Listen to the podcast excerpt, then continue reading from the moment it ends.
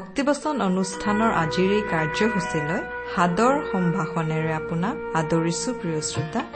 আজিৰে পবিত্ৰ ক্ষণতে উজলি উঠা খ্ৰীষ্টৰ জ্যোতি।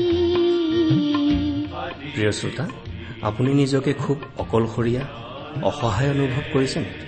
তেন্তে আপোনালৈ আনিছো এটি সুখবৰ সেয়া হৈছে আপোনাৰ দুখ যাতনা কষ্ট যিমানেই বেদনাদায়ক হলেও প্ৰভু যীশুৱে আপোনাৰ লগ কেতিয়াও নেৰে। তেওঁ সদায় আপোনাৰ সংগে সংগে আপোনাৰ পদে পদে আপোনাৰ সাৰথি হৈ লগতে থাকে। তেওঁক আপুনি যিকোনো পৰিস্থিতিত বিশ্বাস কৰিব পাৰে। তেওঁ লগত থকাত আপুনি কেতিয়াও অকলশৰীয়া আৰু অসহায় নহয়। আহক এবাৰ আকৌ আজি আমি নিজকে প্ৰস্তুত কৰোঁ ঈশ্বৰৰ জীৱনময় বাক্যৰ শিক্ষামূলক অনুষ্ঠান ভক্তিবচন শুনিবলৈ। মনেৰে মনেৰে তুমি ভাবিছানে? কোনো নাই কুতুমৰ কতো নাই জগতৰ যিচুৰ বাদে কোনো নাই। মনেৰে তুমি ভাবিছানে? কোনো নাই কুতুমৰ কতো নাই জগতৰ যিচুৰ বাদে কোনো নাই।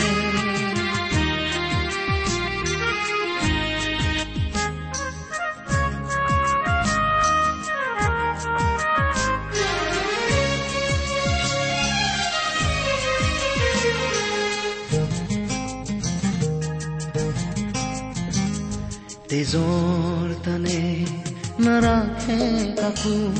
প্ৰেমৰ ভাষা নুবুজে কোনো নুশুনে কোনো। ইয়াৰ কান্দোন নুবুজে চকুলোৰ কোনো এমূল। কাহত তোমাৰ যিচুৰ বাদে কোনো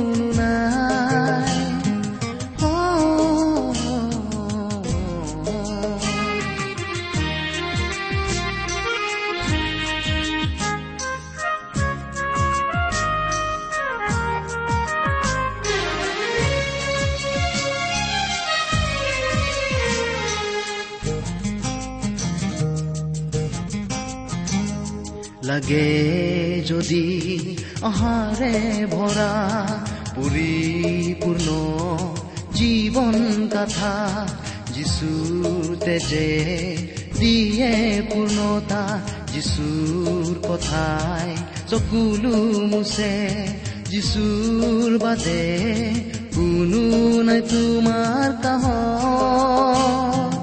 মনেৰে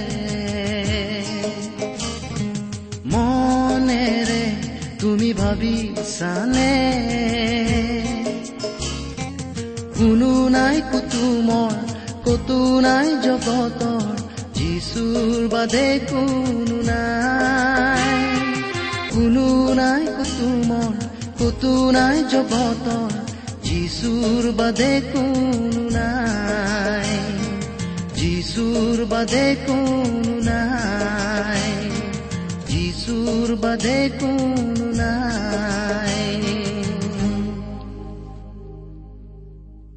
আমাৰ মহান ত্ৰাণকৰ্তা প্ৰভু যীশুখ্ৰীষ্টৰ নামত নমস্কাৰ প্ৰিয় শ্ৰোতা।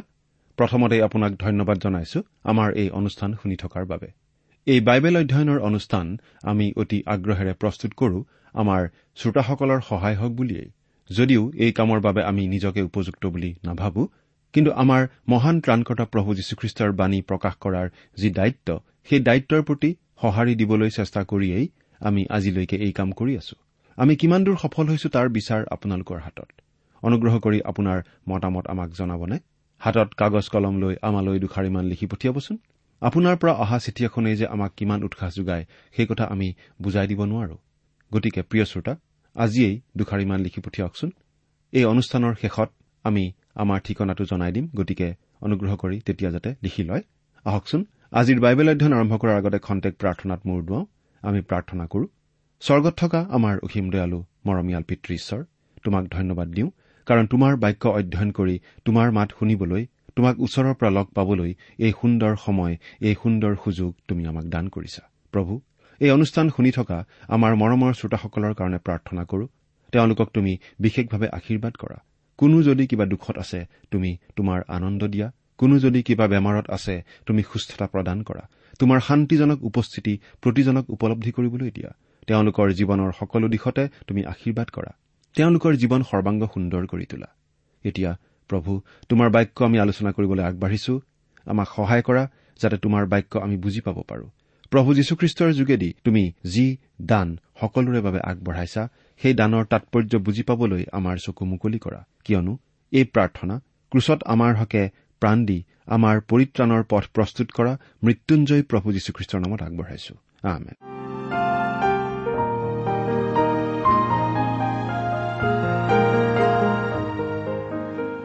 প্ৰিয় শ্ৰোতা আপুনি যদি আমাৰ এই ভক্তিপচন অনুষ্ঠানটো নিয়মিতভাৱে শুনি আছে তেনেহলে আপুনি নিশ্চয় জানে যে আমি এতিয়া বাইবেলৰ পুৰণি নিয়ম খণ্ডৰ হিতুপদেশ নামৰ পুস্তকখন অধ্যয়ন কৰি আছো। নহয়নে বাৰু?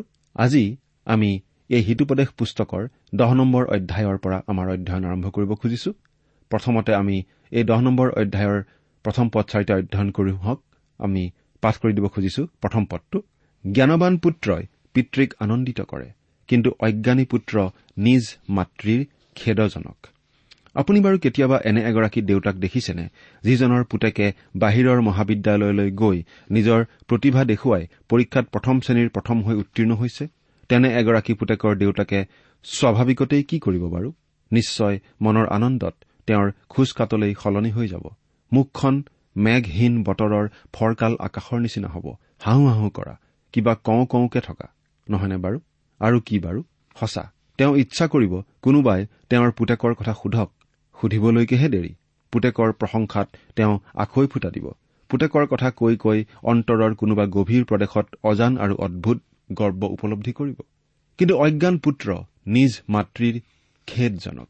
সঁচা প্ৰিয় শ্ৰোতা অজ্ঞান পুত্ৰৰ মন্দতা আৰু অকৃতকাৰ্যতাৰ বাবে অন্তৰৰ গভীৰ এচুকত মাতৃগৰাকীয়ে বৰ আঘাত সহি সহি বহি থাকে আৰু বহি বহি সহি থাকে। অজানিতে গভীৰ বেদনাৰ দুধাৰী চকুলো দুগালেৰে বৈ যায়।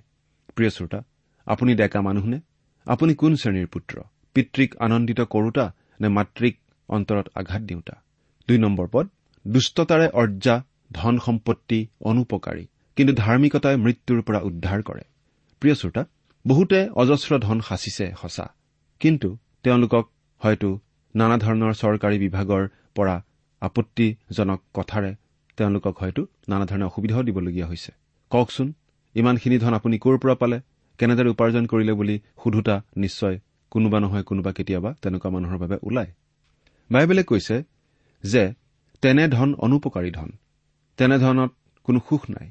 থোৱাটো সুখ নাই খোৱাটো সুখ নাই। মন প্ৰাণৰ বাবে উপকাৰ সাধন নকৰে তেনেকুৱা ধনে। কিন্তু ধাৰ্মিকতাই মৃত্যুৰ পৰা উদ্ধাৰ কৰে। আমাৰ পৰিত্ৰাতা প্ৰভু যীশুখ্ৰীষ্টক আমাৰ বাবে কেৱল প্ৰজ্ঞাকেই কৰা হোৱা নাই কিন্তু লগতে ধাৰ্মিকতাও কৰা হৈছে। আৰু সেয়েহে বাইবেলে কৈছে যিকোনোৱে তেওঁত বিশ্বাস কৰে তেওঁ নষ্ট নহয় কিন্তু অনন্ত জীৱন পায়। জোহন তিনি অধ্যায় ষোল্ল পদ। তিনি নম্বৰ পদ পঢ়িছো। জিহুৱাই ধাৰ্মিকৰ প্ৰাণ ভোকত থাকিবলৈ নিদিয়ে কিন্তু তেওঁ দুষ্টবোৰৰ বাঞ্ছা পূৰ নকৰে শ্ৰোতাসকলৰ নিশ্চয় মনত পৰিব যে আমি আগতেই কৈ আহিছো হিতুপদেশৰ নীতিবচনবোৰে বহু বাইবেলৰ ব্যক্তিসকলৰ জীৱন প্ৰতিফলিত কৰে আৰু আমাৰ প্ৰত্যেকৰে জীৱনৰ চৰিত্ৰ প্ৰতিফলিত কৰে। ইয়াত জিহুৱাই ধাৰ্মিকৰ প্ৰাণ ভোকত থাকিবলৈ নিদিয়ে বুলি পঢ়াৰ লগে লগেই যোচেফলৈ আমাৰ মনত পৰে। তেওঁক মিছৰ দেশলৈ বিক্ৰী কৰি পঠিওৱা হৈছিল। তেওঁ নিশ্চয় ভাবিছিল যে কৃতদাসৰূপেই তেওঁৰ জীৱন শেষ হ'ব। আৰু ঈশ্বৰো যেন তেওঁৰ পৰা বহু নিলগ হৈ পৰিছিল। কিন্তু তেনে অৱস্থাতো তেওঁ ঈশ্বৰক তেওঁৰ জীৱনৰ পৰা জলাঞ্জলি দিয়া নাছিল। আমি জানো যে ঈশ্বৰে তেওঁক ত্যাগ কৰা নাছিল। সেয়ে তেওঁ যোচেফৰ ক্ষেত্ৰত এনে খোজ ললে যে এদিন যোচেফ কাৰাগাৰৰ পৰা ওলাই মিছৰ দেশৰ প্ৰধানমন্ত্ৰীৰ পদত অধিষ্ঠিত হৈছিল। চাৰি নম্বৰ পদ লেহেম হাতেৰে কাম কৰা মানুহ দৰিদ্ৰ হৈ পৰে কিন্তু পৰিশ্ৰমীজনৰ হাতে তেওঁক ধনবান কৰে। একেই মানুহ কিন্তু কি বিপৰীত গুণ চৰিত্ৰ আৰু প্ৰকৃতিৰ মানুহ আমাৰ মাজত আছে? এক শ্ৰেণীৰ মানুহ আছে যিসকল বৰ লেহেম হাতৰ। বৰ লেহেম বৰ লেহেম আপুনি যদি পৰিশ্ৰমী মানুহ তেন্তে এই লেহেম গতিৰ মানুহবিলাকক লগ পালে আপোনাৰ একেবাৰে জ্বৰ উঠি আহিব। অভাৱে এওঁলোকৰ স্বভাৱ নষ্ট নকৰে। কিন্তু এওঁলোকৰ এলেহুৱা স্বভাৱে এওঁলোকলৈ অভাৱ লৈ আহে। এলাহৰ লাৰু এওঁলোকেই খায়। এওঁলোকৰ ঘৰতে টেকেলি কাটি হয়। শেষত গৈ এওঁলোকেই লাওলোটা হয়। কিন্তু পৰিশ্ৰমীজনৰ হাতে তেওঁক ধনবান কৰে। বাইবেলত দুটা শব্দ তেল আৰু পানীৰ দৰে আছে আৰু সেই দুটা শব্দ হৈছে বিশ্বাস আৰু এলাহ। এগৰাকী বিশ্বাসকাৰী লোক কোনোমতেই এলেহুৱা লোক হ'ব নোৱাৰে। খ্ৰীষ্টীয় লোক সদায়ে পৰিশ্ৰমী লোক। খ্ৰীষ্টীয় লোকে কঠোৰ পৰিশ্ৰম কৰি আনন্দ উপলব্ধি কৰে। পৌলে পৰিশ্ৰমী লোক এজনলৈকে আঙুলিয়াই দিয়ে। নিজৰ পেটৰ ভাত মোকোলাবলৈ তম্বু চিলাই চিলাই দিন আৰু ৰাতি প্ৰভুৰ শুভবাৰ্তা প্ৰচাৰ কৰিছিল। তেৰখনকৈ পত্ৰ যে তেওঁ আমালৈ লিখি থৈ গৈছে সেয়া পৰিশ্ৰমী মানুহৰ দ্বাৰাহে সম্ভৱ হ'ব পাৰে। ঈশ্বৰে যেতিয়া পৌলক তেওঁৰ কাম কৰিবলৈ আহান কৰিছিল তেতিয়া তেওঁ এজন এলেহুৱা মানুহক আহান কৰা নাছিল। এতিয়া আপোনাৰ কথা আপুনি নিজে জানে? আপুনি খ্ৰীষ্টীয় লোক নে বাৰু? আপুনি পৰিশ্ৰমী লোক নে বাৰু? এতিয়া আমি পাঁচ নম্বৰ পদটো পঢ়িছো। ঘামকালত চপোৱাজন বুদ্ধিমান পুত্ৰ কিন্তু শস্য দাবৰ সময়ত টোপনিত থকাজন লাজ দিওঁতা পুত্ৰ। বতৰৰ ফচল বতৰতে কঠোৰ পৰিশ্ৰমেৰে চপোৱাটো পৰিশ্ৰমী আৰু জ্ঞানী লোকৰ কাম। কিন্তু এলেহুৱাই বিচনা এৰিব নোৱাৰাটোৱেই তাৰ ডাঙৰ ৰোগ। সেয়ে এলেহুৱাবিলাকে বতৰৰ ফচল বতৰতে হেৰুৱায়। বহু সময়ত নীতিবচনবোৰ এলেহুৱাহঁতৰ কাৰণে গাহৰিৰ আগত মুকুতা নিচিনা। সিহঁত মূৰ্খ। সিহঁত গৰু আৰু গাধৰ তুল্য। সিহঁতৰ ভৰিৰ কলাফুল নাইবা সিহঁতৰ গোটেই শৰীৰ বা পিঠিত পকৰা শৌকাৰ কোব দিলেহে নাইবা গৰম লোৰ সেক দিলেহে কিজানি অলপ তৎ পায়। এলেহুৱাই সেইবোৰৰ ভাষাহে আচলতে বুজি পায়। আজি এলেহুৱাহঁতৰ কাৰণেই দেশ সাধাৰণ সমাজ আৰু খ্ৰীষ্টীয় মণ্ডলীসমূহ একেবাৰে ৰসাতলৈ গৈছে। এলেহুৱাহঁতৰ লগত প্ৰগতিৰ মুখ দেখা পাবলৈ চেষ্টা কৰাটো পাহাৰত কাছৰ কণী বিচাৰি পাবলৈ চেষ্টা কৰাৰ নিচিনা কথা। কিন্তু তাৰ বিপৰীতে চাওক পৰিশ্ৰমী মানুহবিলাকে আগ পাছ গণি ঠিক সময়ৰ কাম ঠিক সময়তে সামৰে। পৰিশ্ৰমীয়ে কৰিম কৰিম বুলি গহৰি কৰি একো কামকেই পাছদিনালৈ পেলাই নথয়। পাছলৈ কাইলৈ বোলা শব্দকেইটা পৰিশ্ৰমীৰ অভিধানত নাথাকেই। এবাৰ এটা ঘটনা ঘটিছিল। ব্যক্তিগত ধ্যানৰ বাবে এখনি পুস্তক তিনিশ পঁয়ষষ্ঠিটা ভক্তিমূলক পাঠেৰে প্ৰস্তুত কৰা হৈছিল। কিন্তু সম্পাদনা সমিতিত জনোৱা হৈছিল যে তিনিশ পঁয়ষষ্ঠিটা পাঠৰ সোতৰটা পাঠ কম আছিল। পাছদিনা ছপাশালত দিবই লাগে। সোতৰটা পাঠ অসম্ভৱ। সম্পাদনা সমিতিৰ প্ৰত্যেকজনেই প্ৰভুৰ নামত কষ্ট উঠাবলৈ ইচ্ছা থকা সদস্য এগৰাকীৰ ফালে চালে। সদস্যজনেও বুজি পালে। প্ৰতিটো পাঠৰ বাবে এশ বিশটামান শব্দেৰে দুই হাজাৰ চল্লিছটা শব্দৰ সোতৰটা পাঠ প্ৰস্তুত কৰিব লাগে। পৰিশ্ৰমী সদস্যজনে পাৰিবনে? সন্ধিয়া ছটাৰ পৰা একে বহাতে বহি পাঁচদিনা ৰাতিপুৱা পাঁচটালৈকে এঘাৰটা ঘণ্টাত তেওঁ সোতৰটা নিয়মীয়া মানদণ্ডৰ পাঠ প্ৰস্তুত কৰি সম্পাদকৰ হাতত তাৰ পাছদিনা দিছিল। পৰিশ্ৰমী মানুহে কৰা কিছুমান কাম এলেহুৱাৰ বাবে একো একোটা যাদুৰ নিচিনা। সদায় ওৰে নিশা কাম কোনেও কৰিব নোৱাৰে আৰু কৰিব নালাগেও। কিন্তু পৰিস্থিতি চম্ভালিবলৈ কেতিয়াবা কেতিয়াবা তেনেকুৱা পৰিশ্ৰম কৰিব লগা নিশ্চয় হয়। ছয় নম্বৰ পদ। ন্যায়বানজনৰ মূৰত নানা আশীৰ্বাদ পৰে কিন্তু দুষ্টবোৰৰ মুখ হলে অত্যাচাৰে ঢাকে। এই পদটোৱে পুৰণি বিধানৰ দুগৰাকী ব্যক্তিৰ কথা মনত পেলাই দিয়ে। ন্যায়বানজনৰ মূৰত নানা আশীৰ্বাদ পৰে বোলা কথাষাৰে ন্যায়বান চমুৱেলৰ কথা মনলৈ আনে। কিন্তু দুষ্টবোৰৰ মুখ হলে অত্যাচাৰে ঢাকে বোলা কথাষাৰে আকৌ অত্যাচাৰী চৌলৰ কথা আমাৰ মনলৈ আনে। এতিয়া আমি সাত নম্বৰ পদটো পাঠ কৰি দিছো। ধাৰ্মিকজনৰ স্মৃতি আশীৰ্বাদৰ বিষয় কিন্তু দুষ্টবোৰৰ নাম গেলি যায়। প্ৰিয় শ্ৰোতা আপোনালোকৰ এই তাৎপৰ্যহীন দাসে ইমান বছৰ ধৰি প্ৰভুৰ বহুতো দাসৰ সৈতে একেলগে কাম কৰাৰ সুযোগ লাভ কৰি আহিছো। তেওঁলোকৰ এই তিনিজনৰ স্মৃতিয়ে আমাৰ জীৱনলৈ আশীৰ্বাদ আনে। তেওঁলোকৰ কথা মনত পৰিলে মনটো কিবা পবিত্ৰ পবিত্ৰ লাগে। কাম কৰাত কিবা শক্তি পোৱা যেন অনুভৱ আমি কৰো। তেওঁলোকৰেই এজনে এই অযোগ্যক কৈছিল আহা অমুকা কাম কৰি কৰি জিৰণি লওঁ। সেইগৰাকী প্ৰভুৰ ভক্তই তেওঁৰ জীৱনৰ গোটেই কাৰ্যকালৰ বিছ বছৰে কেতিয়াও এদিনো ছুটি লোৱা নাছিল। ৰাইজৰ কামৰ বাবে ভ্ৰমণত নাথাকিলে কাৰ্যালয়তো দিনে এঘাৰ বাৰ ঘণ্টাকৈ কাম কৰাৰ উপৰিও ঘৰতো তিনি চাৰি ঘণ্টাকৈ ৰাইজৰ কামকেই কৰিছিল।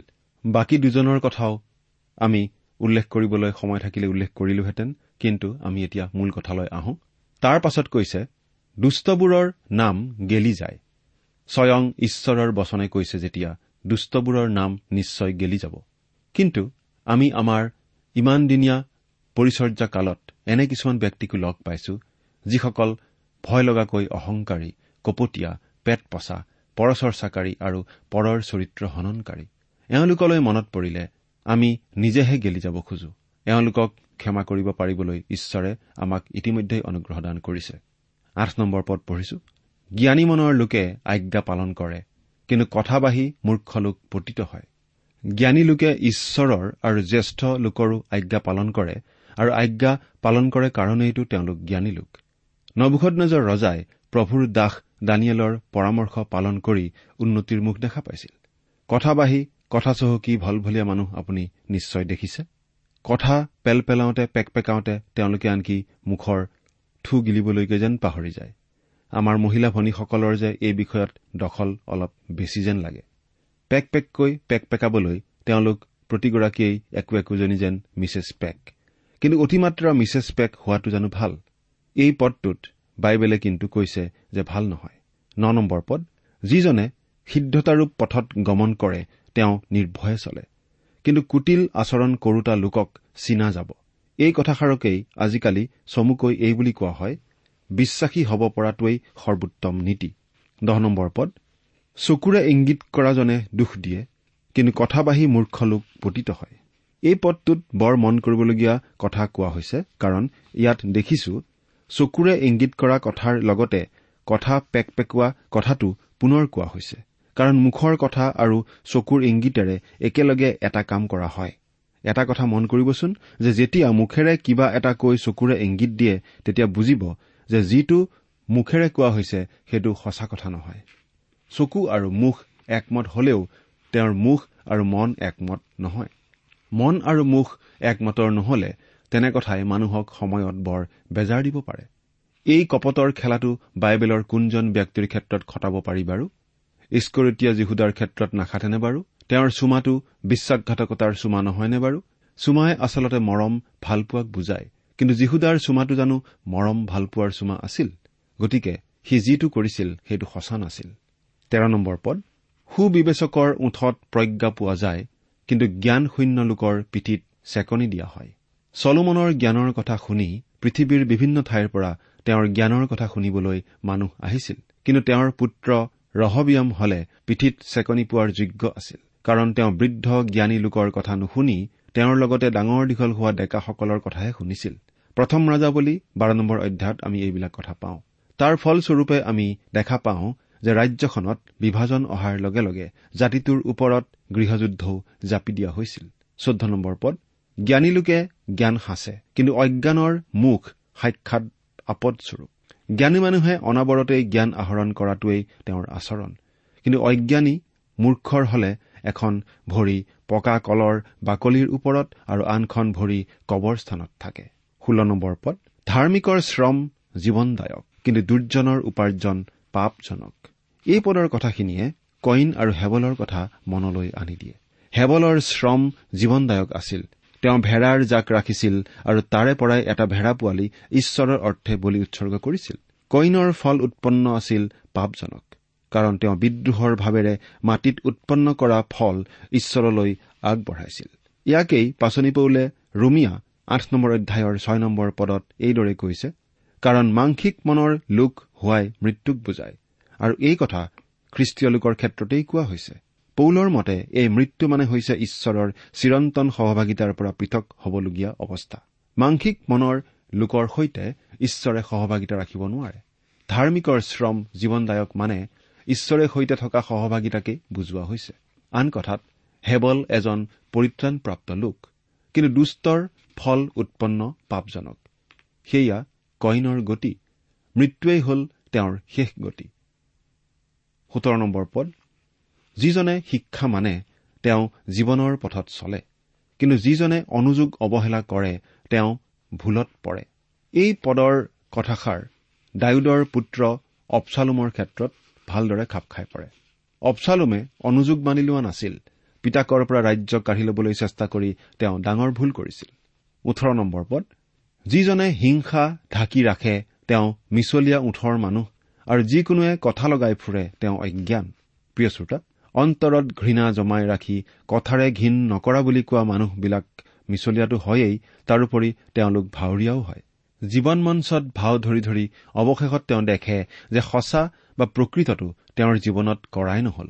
ঘৃণা পুহি ৰাখিও মিছাতে ঘৃণা নকৰা বুলি কৈ ভাইজনৰ লগত প্ৰকৃত শান্তি স্থাপন কৰাই নহল। তেওঁ তেতিয়াহে গম পায় যে সেয়া তেওঁৰ মূৰ্খামী মাথোন। বাইবেলে কৈছে নিজ ভাইক মনতে ঘৃণা নকৰিবা। লেবিয়া পুস্তক ঊনৈশ নম্বৰ অধ্যায়ৰ সোতৰ নম্বৰ পদ। যোৱাবৰ কথা আপোনাৰ মনত পৰেনে?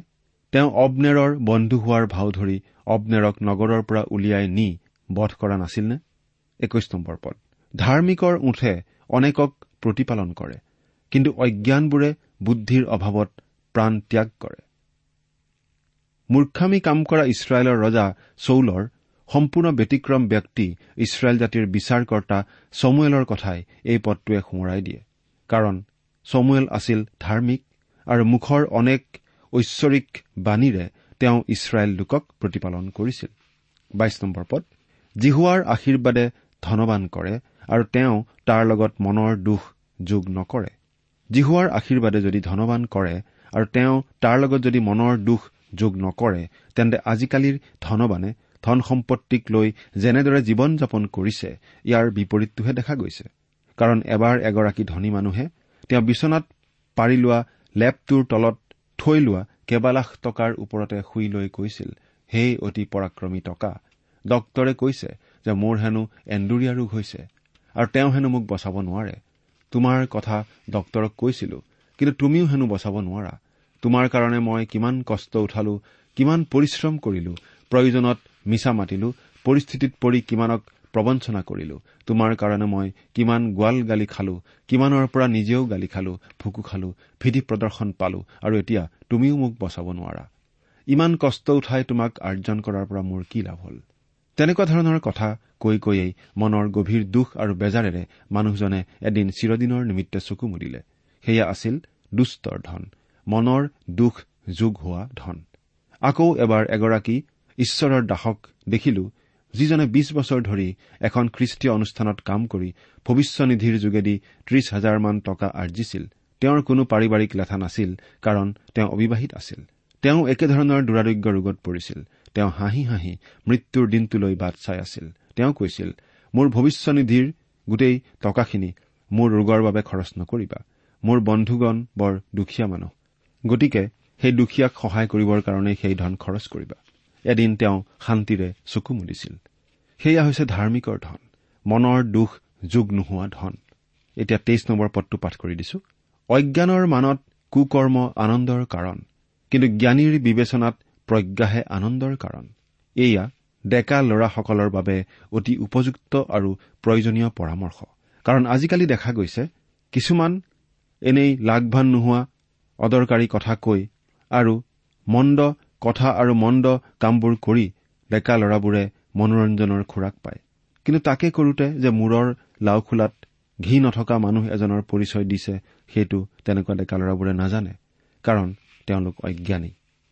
হে যুৱক শ্ৰোতা আপুনি বাৰু তেনেকুৱা নে? আপুনি তেনেকুৱা হোৱাটো উচিত নহয়। ছাব্বিছ নম্বৰ পদ পঢ়িছো। দাঁতৰ পক্ষে টেঙা আৰু চকুৰ পক্ষে ধোঁৱা যেনেকুৱা পঠুৱাবিলাকৰ পক্ষে এলেহুৱাও তেনেকুৱা। প্ৰিয় শ্ৰোতা টেঙা খাই দাঁত টেঙা হোৱা আৰু চকুত ধোঁৱা লাগি চকুৰ জ্বলন পূৰণ হোৱাৰ অভিজ্ঞতা আপোনাৰ আছেনে? আছে নিশ্চয়। কি যে অশান্তিকৰ আৰু কি অসহ্যকৰ অভিজ্ঞতা নহয়নে বাৰু? কোনো এটা কাম সোনকালে হোৱাটোলৈ আশা কৰি যিসকলে এলেহুৱা মানুহক কামত লগায় তেওঁলোকৰো সেইটোৱেই অভিজ্ঞতা হ'ব। এলেহুৱাহঁতক দূৰৈৰ কামলৈ পঠাই দি তেওঁলোকৰ ঘূৰি অহালৈ বাট চাই চাই আক্ষৰিক অৰ্থতেই চকুৰ বিষ উঠাৰ অভিজ্ঞতা আপোনাৰ আছেনে বাৰু? তেনেকুৱা অভিজ্ঞতা হলে আমাৰ আছে। আৰু এনেকুৱা অভিজ্ঞতা বৰ তিক্ত অভিজ্ঞতা। এলেহুৱাৰ আপত্তিৰ যুক্তি অনেক। জৰুৰী কাম কিহক বোলে তাক তেনেকুৱা এলেহুৱা মানুহে আচলতে বুজিকেই নাপায়। জৰুৰীভাৱে কাম কৰা নহলে পৰিণতি কি হ'ব তাকো তেওঁলোকে বুজিকেই নাপায়। এলেহুৱাৰ লগত কাৰবাৰ নকৰিবি। এইবুলি আমাক জ্ঞানীজনে উপদেশ দিয়ে। যদিহে এলেহুৱাৰ লগত আমি কাৰবাৰ কৰিব লগা হয় তেতিয়াহ'লে আমি এক আঁঠু পানীতেই মৰিবলগীয়া অৱস্থাৰ নিচিনা হয়। পৰি মৰিব নে বুঢ়ী মৰিব আমি হলে নাজানো কিন্তু দুষ্টৰ লগত জৰুৰী কাম কৰিবলৈ গলে হলে আপুনি এক আঁঠু পানীতেই মৰিব। সাতাইছ নম্বৰ পদ। জিহুৱা বিষয়ক ভয়ে আয়ুস বৃদ্ধি কৰে। কিন্তু দুষ্টবোৰৰ বছৰ কেইটা কম কৰা হয়। পুৰণি নিয়মৰ দিনত ই আক্ষৰিকভাৱেই সত্য আছিল। যিসকলে তেওঁৰ আজ্ঞা মানি চলিছিল ঈশ্বৰে তেওঁলোকক দীৰ্ঘায়ু দিছিল। আপুনি ক'ব পাৰে তেনে দীৰ্ঘায়ু ঈশ্বৰে জানো আজিও নিদিয়ে? নাই।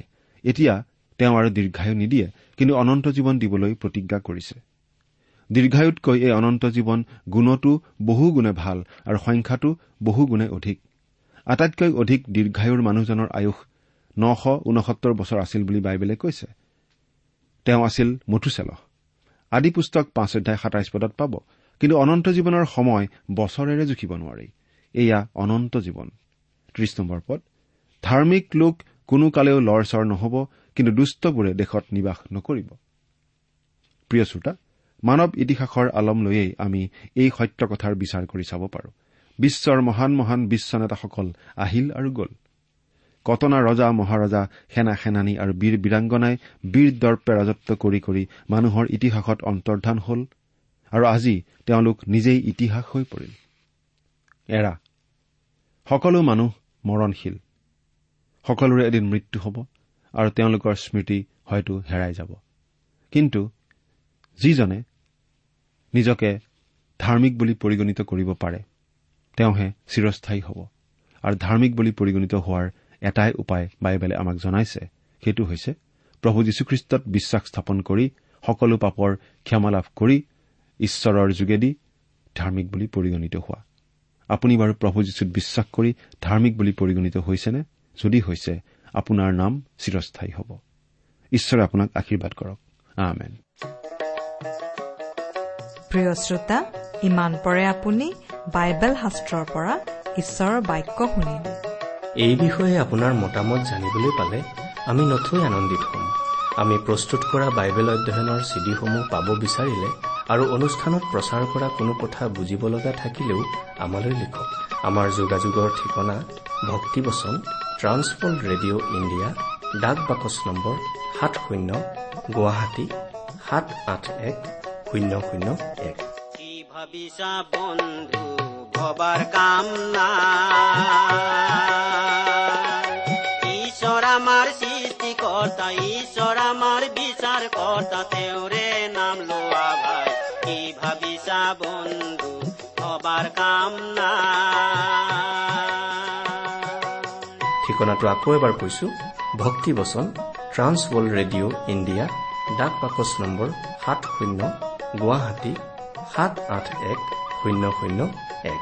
আমাৰ ইমেইল এড্ৰেছটো হৈছে Assamese T TV at the rate radio' eight eight two dot com. আমাৰ website W W W dot T W R dot in. আপুনি টেলিফোনৰ মাধ্যমেৰেও আমাক যোগাযোগ কৰিব পাৰে। আমাৰ টেলিফোন নম্বৰটো হৈছে nine eight five four zero' four zero' eight eight nine. Phone নম্বৰটো আকৌ এবাৰ কৈছো ন আঠ পাঁচ চাৰি শূন্য চাৰি শূন্য আঠ আঠ ন। আপুনি এই ভক্তিবচন অনুষ্ঠানটি আমাৰ website radio' eight eight two dot কমতো শুনিব পাৰিব। আজিৰ অনুষ্ঠানটি ইমানতেই সামৰিছো। ঈশ্বৰৰ শান্তি আৰু অনুগ্ৰহ আপোনাৰ লগত থাকক। ধন্যবাদ। ভাবিছা বন্ধু? ভবাৰ কাম